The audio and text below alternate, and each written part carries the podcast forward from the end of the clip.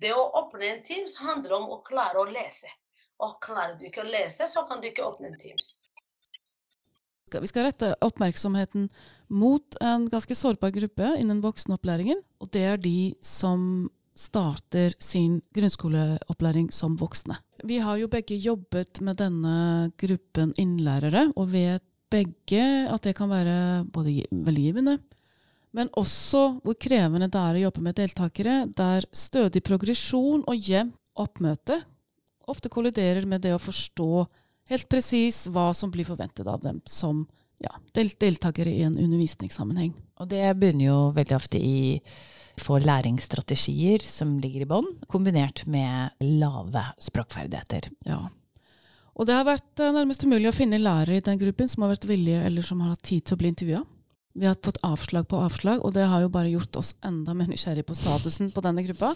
I dag har vi snakket med en forsker som riktignok ikke forsker på voksne innlærere, men som er opptatt av marginalisering. Hatla Holmarsdottir. Så har vi snakket med en lærer, Anke Hopen, fra Skullerud voksenopplæring, som jobber med deltakere med liten eller ingen utdanning fra hjemlandet. Og så til slutt har vi vært så heldige å få tak i Rama Yama, som da er representant som taler på vegne av den gruppen minoritetsspråklige med minst utdanning. Altså hun jobber da som rådgiver i Oslohjelpa, men hun var jo selv uskolert da hun kom til Norge, men er et eksempel på en som har mot alle odds lykkes med å ha tatt videregående på ett år. Og som nevnt, hun jobber nå som veileder i Oslohjelpa. Jeg heter Camilla. Jeg heter Margaret. Og du lytter til Unmuta. Unmuta. Podkasten om digitale løsninger for språklærere. Hvor, hvor, er det vi begynner, Margaret? Hvem er det vi skal snakke med først? La oss begynne med Anke Hoben. Læreren fra Skullerud voksenopplæring som jobber med den målgruppen som dagens episode skal handle om. Hei, Anke. Hei, Margret. Kan du fortelle litt om deg selv og arbeidet du gjør? Ja, jeg heter eh, Anke Hoben, og jeg jobber som lærer på Skullerud voksenopplæring i Oslo. Og jeg er egentlig utdannet som spesialpedagog i spesifikke lese- og skrivevansker og matematikkvansker, og har jobbet lenge i barneskolen, men nå har jeg jobbet på eller på Skullerud i to år ca. Og du underviser de deltakerne man plasserer i spor 1, da? Jeg jobber på de laveste trinnene. Det heter grunnskole 2 og grunnskole 3. Så det, man kan liksom sammenligne det med andre trinn og tredje trinn. Men det er ikke helt det samme, da. Det er på en måte litt lavere nivå, da, egentlig. Noen har bodd i Norge i kanskje 25 år og behersker norsk sånn noenlunde greit muntlig.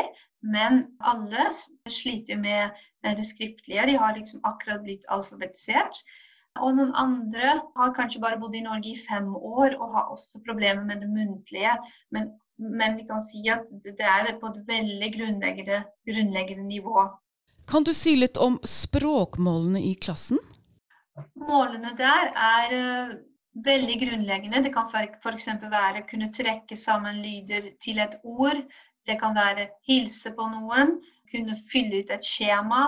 Ja, det er mange av de målene som noen av målene faller også litt under A1, men, men det er enda, enda, enklere, vil jeg si. Ja, Da blir det kanskje ekstra utfordrende å i tillegg skulle lære seg et verktøy samtidig som man skal lære et uh, nytt språk, da? Ja, det, blir, det er kjempevanskelig. Jeg tror jeg, selv, jeg, Nå har ikke jeg så mye erfaring som noen andre på skolen min, men, men nå begynner jeg å få litt erfaring. Men til og med nå så er det umulig for meg helt da, å forestille meg hvordan det er for dem og, jeg, og, det er så mange skolevaner som de ikke er vant med i tillegg. Det, ikke sant? det å, det å um, åpne boken på riktig, på riktig, side, gjøre oppgaver hjemme, følge med på beskjeder, komme tidsnok. Det er veldig mange ting. Kan du fortelle litt om hvordan du og klassen opplevde overgangen til digital hjemmeundervisning den 12. mars i fjor? Mm, vi opplevde det vel som et sjokk, vil jeg si. Og vi brukte litt tid på å finne måter å nå frem til elevene på. Og vi fant ut etter hvert at på det nivået jeg jobber på, at WhatsApp egnet seg best. Vi har prøvd litt med Teams også, men dette er på en måte for krevende for min deltakergruppe. Hvorfor falt valget på WhatsApp? Ja. Det var fordi deltakerne, de fleste i hvert fall kjenner det fra før, eller egentlig nesten alle. Og fordi det er ganske sånn selvforklarende. De kan lett ringe til meg, jeg kan ringe til dem. De kan se på meldinger jeg sender dem. Og jeg kan lett sende ut fellesmeldinger via datamaskinen min til grupper. Og man kan til og med ha samtaler fem og fem hvis man vil, på WhatsApp. Eh, så jeg vil si at eh, det, det var det letteste for deltakerne å bruke. Måtte dere endre på måten dere underviste på for å få dette til å fungere i WhatsApp, og er det veldig annerledes? Ja, det vil jeg si. Det er på ingen måte sammenlignbart med hvordan man jobber i klasserommet. Fordi når jeg underviser, så står jeg og hopper og spretter og viser ting med armer og bein. og Det er mye mer levende. Men jeg prøver i hvert fall å forklare en del ting i disse små filmene mine, og så gir jeg dem oppgaver. Og så skal de eh, skrive hjemme og sende bilde av oppgavene. Og så skal de ta lydopptak av lesetekster og sende meg på WhatsApp. Har det fungert, og hva slags tilbakemeldinger har du fått? Og hvordan har du selv opplevd dette? Jeg syns det har fungert delvis bra. Du kan tenke deg at vi jobber med veldig grunnleggende temaer som tannhelse eller og det å kunne si fødselsnummeret ditt, navnet, eh, navnet Altså fylle ut skjemaer. Det, er på et veldig grunnleggende plan. Og, og, når man da skal gjøre dette på WhatsApp, så må man tilpasse oppgavene. Det har vært andre typer lesetekster som vi har brukt. Og så har det vært oppgaver som uh, skriv om dagen, hvilken dag er det i dag, hvilken dato. Det har vært små filmsnutter som jeg har sendt dem uh, av ulike temaer. Men det er på ingen måte sammenlignbart med det man gjør i klasserommet. Det er, det er et, et, alternativ. Et, et, godt nok alternativ nå, men, men det er mye bedre å ha undervisning eh, i virkeligheten. Kan du si litt om hvorfor, og hva, hva, har du tapt eller føler at dere har mistet? Man mister jo de muntlige samtalene. De får uh, ikke snakket så mye De får ikke snakket med hverandre eller med meg med mindre jeg ringer dem. De har tatt opp lyd, de har kanskje fortalt om noe eller de har filmet noe, men det er bare korte, korte øyeblikk. ikke sant? Og, så har de mistet det sosiale, og det, det er det de eh, setter størst pris på, tror jeg, den deltakergruppen jeg har de er veldig glad i å møte hverandre, sitte i kantina, og prate sammen. Og det er ikke så mange, mange hva skal jeg si, øyeblikk ellers i livet deres at de er i kontakt med, med, det norske språket. Det er en del deltakere som er ganske ensomme, som ikke har et stort nettverk. Så for dem er det et veldig viktig møtepunkt. Men har dere prøvd å få til en samarbeidslæring digitalt? Vi har noen ganger hatt uh, møter med fem deltakere og meg, der vi har gått gjennom leseleksa og pratet litt. Og sånn. Men det er, det er, vanskelig. Det er mye sånn bakgrunnsstøy, barn som skriker. Det har jeg ikke gjort så mye av nå i, i det siste, egentlig. Det, er, um, det har ikke fungert så bra. Og hva har fungert bra? Jeg syns det har fungert bra at deltakerne tar opp lyd. Uh, at de sender inn lydopptak av forskjellige tekster. Og jeg har kunnet gi mye mer sånn individuell tilbakemelding. For når jeg har en hel klasse med 16 deltakere, så rekker ikke jeg det hver dag. Eh, eller hver uke. Og det har gitt meg litt sånn mer innsyn i deres leseferdigheter. Det syns jeg har vært bra. Og jeg syns også at når vi har hatt disse annerledes Vi har hatt litt sånn annerledes oppgaver der de måtte filme huset sitt eller hjemmet sitt, hagen, litt forskjellige ting. Der har vi liksom blitt litt bedre kjent i hele gruppen. De har delt med hverandre, og de har eh, sendt opp, uh, oppskrifter og vist, uh, og vist, hverandre matretter. Og det har vært veldig sånn, hyggelig, da.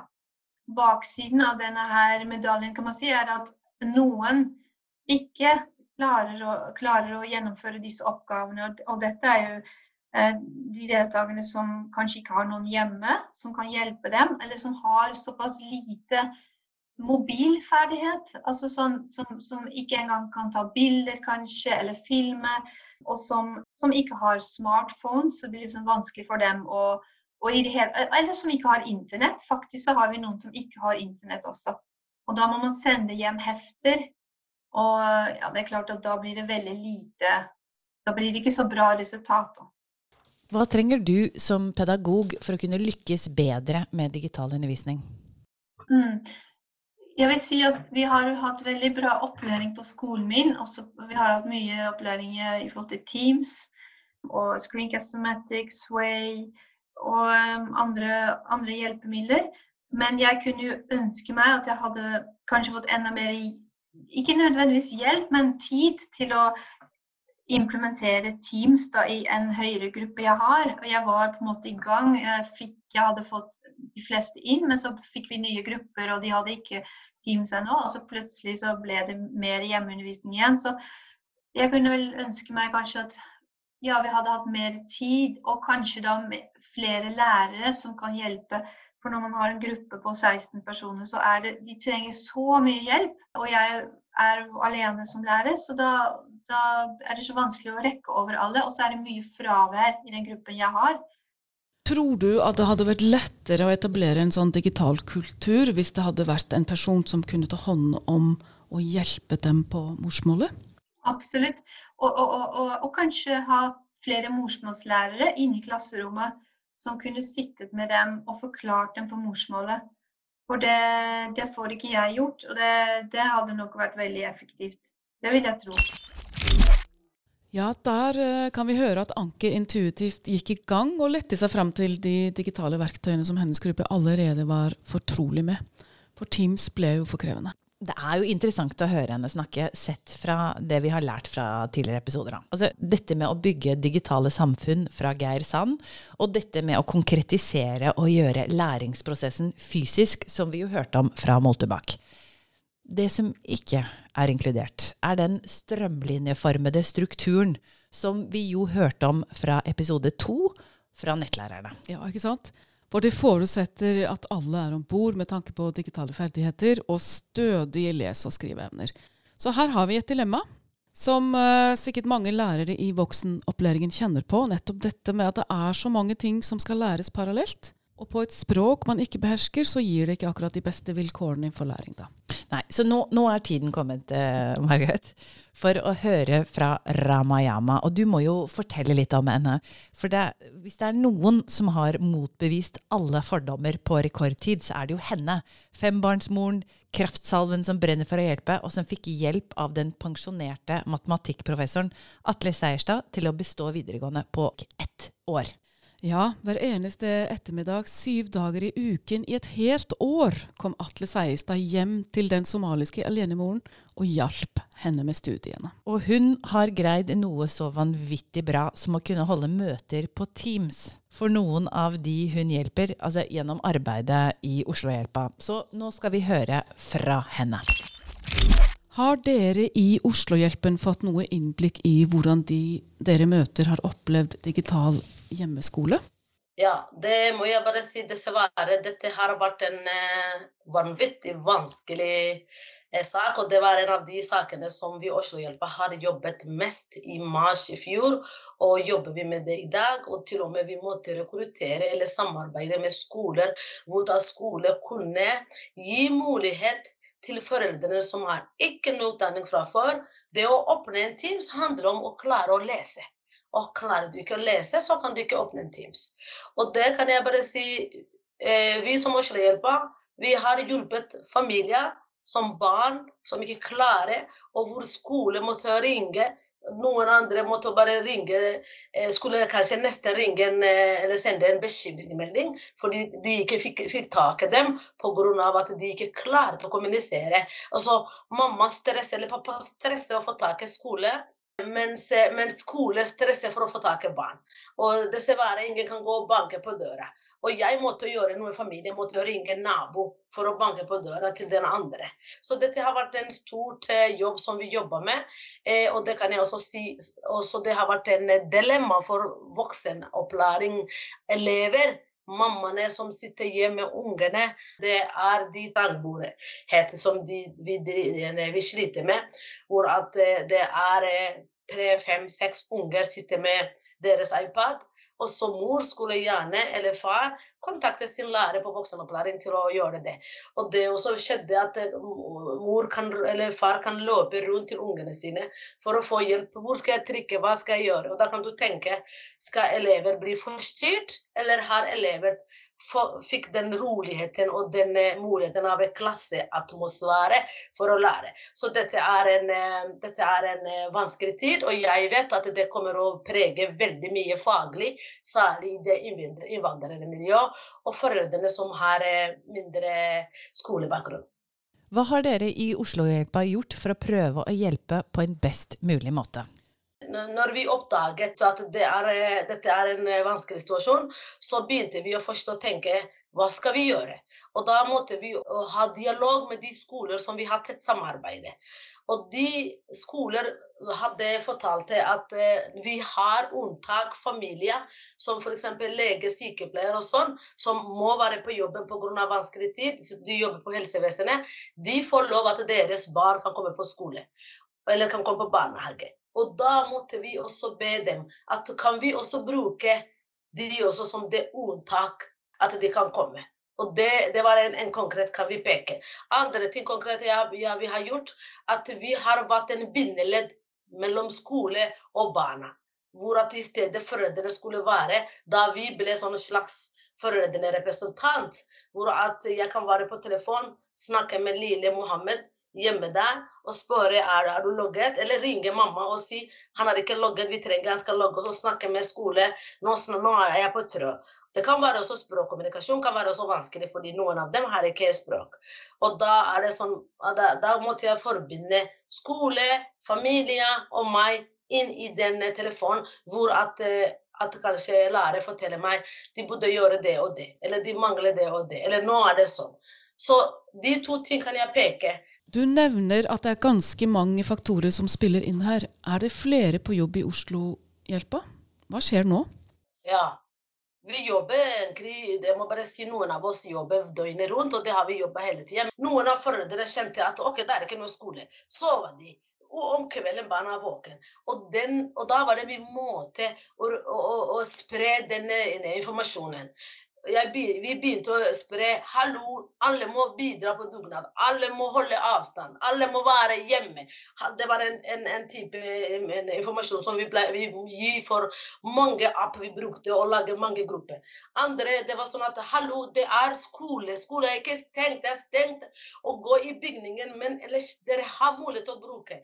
Og da var det å gå gjennom for å forklare. Hva er Teams? Hvor er det? Selvfølgelig de fleste som har store barn, barna har kunne det, men du vet jo så barna er sånn litt slitne og prøver å lure og si jeg, det er ikke skole, jeg har ikke gjort det. Bare, til og med noen av dem har ikke henta PC fra skole engang. Det, altså, det var jo utrolig lag på lag og lag. Hvordan vil du si at digital kompetanse er hos den gruppen? Folk eh, bruker WhatsApp, har jeg hørt? Ja.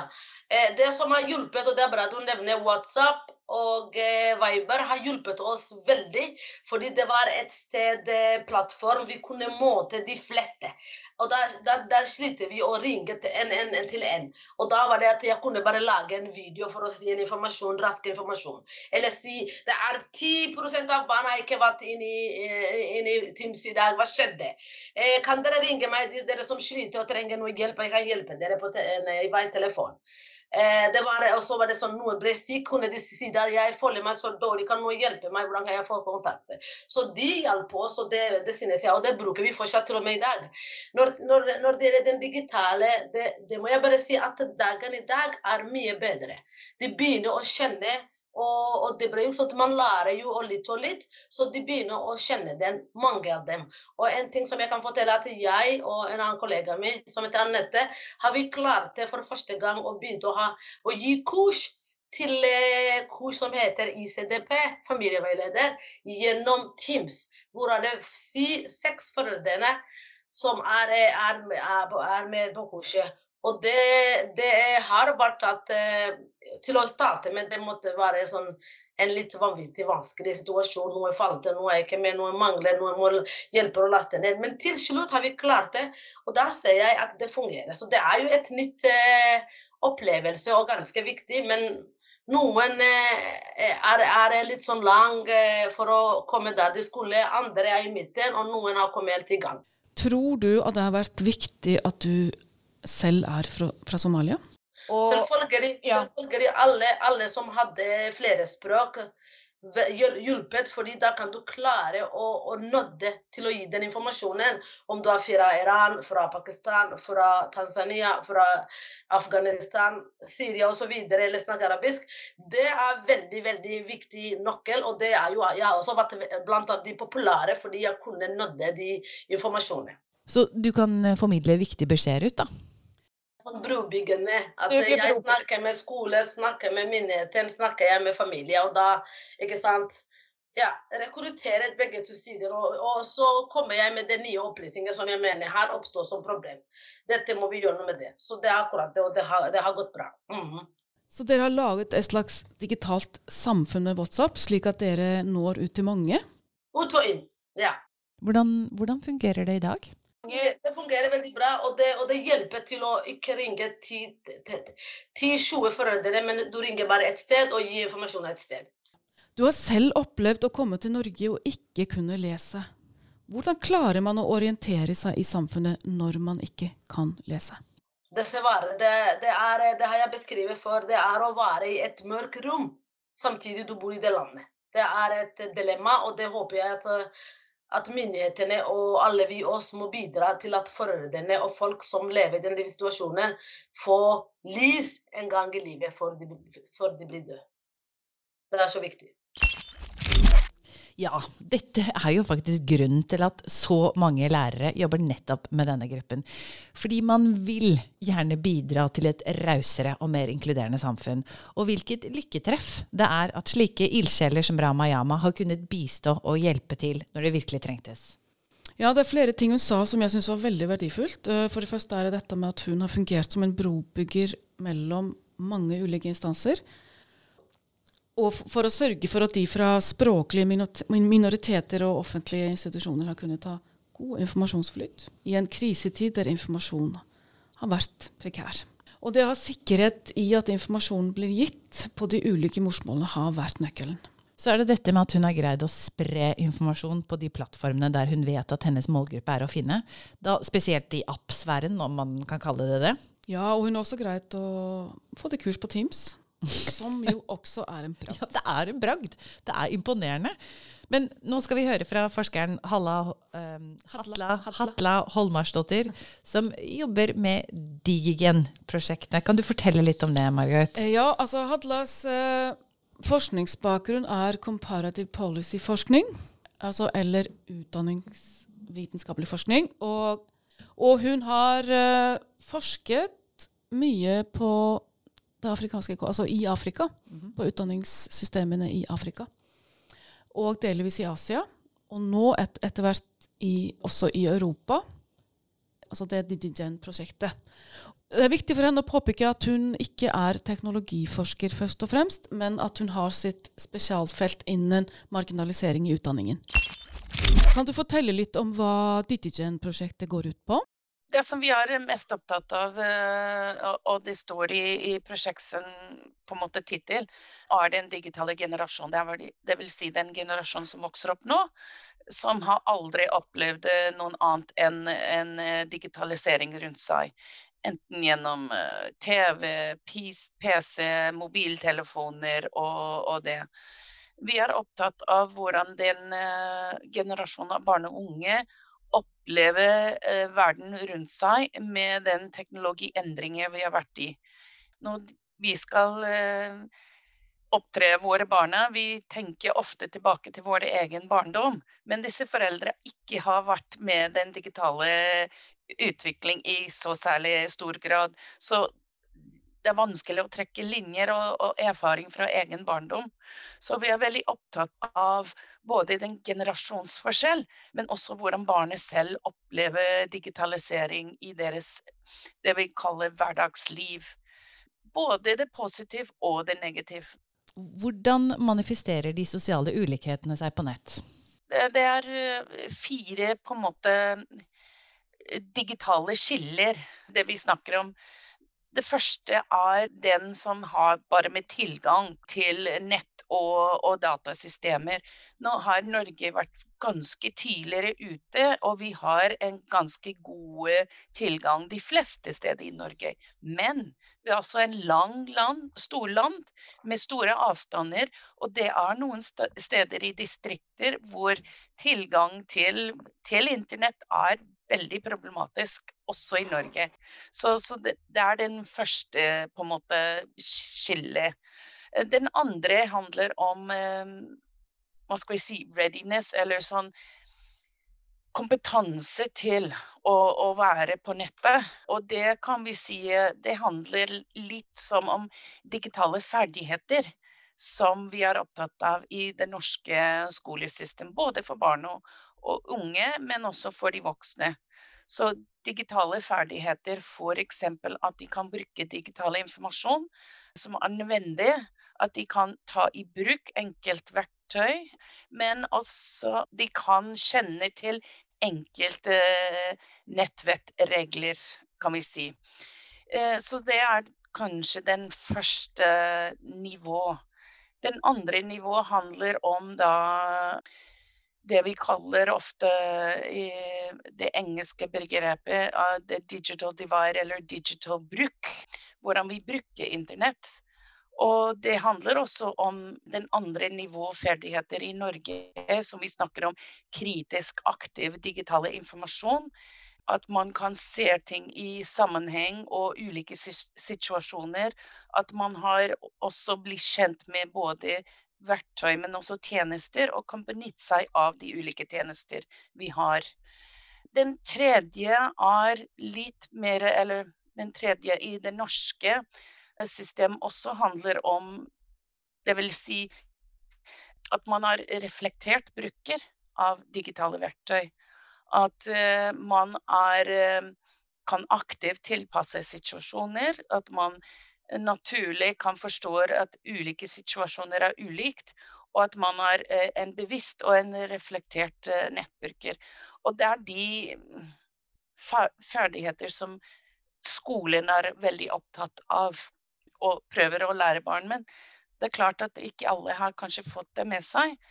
Nå begynner vi å snakke om den fjerde dimensjonen, som handler mer om hvem er det som er representert og hvordan er de representert. Så den er den vi begynner å se litt nå. Er det slik at det går an at man kan si at skillet som er til stede i samfunnet fra før, også manifesterer seg inn i den digitale sfæren?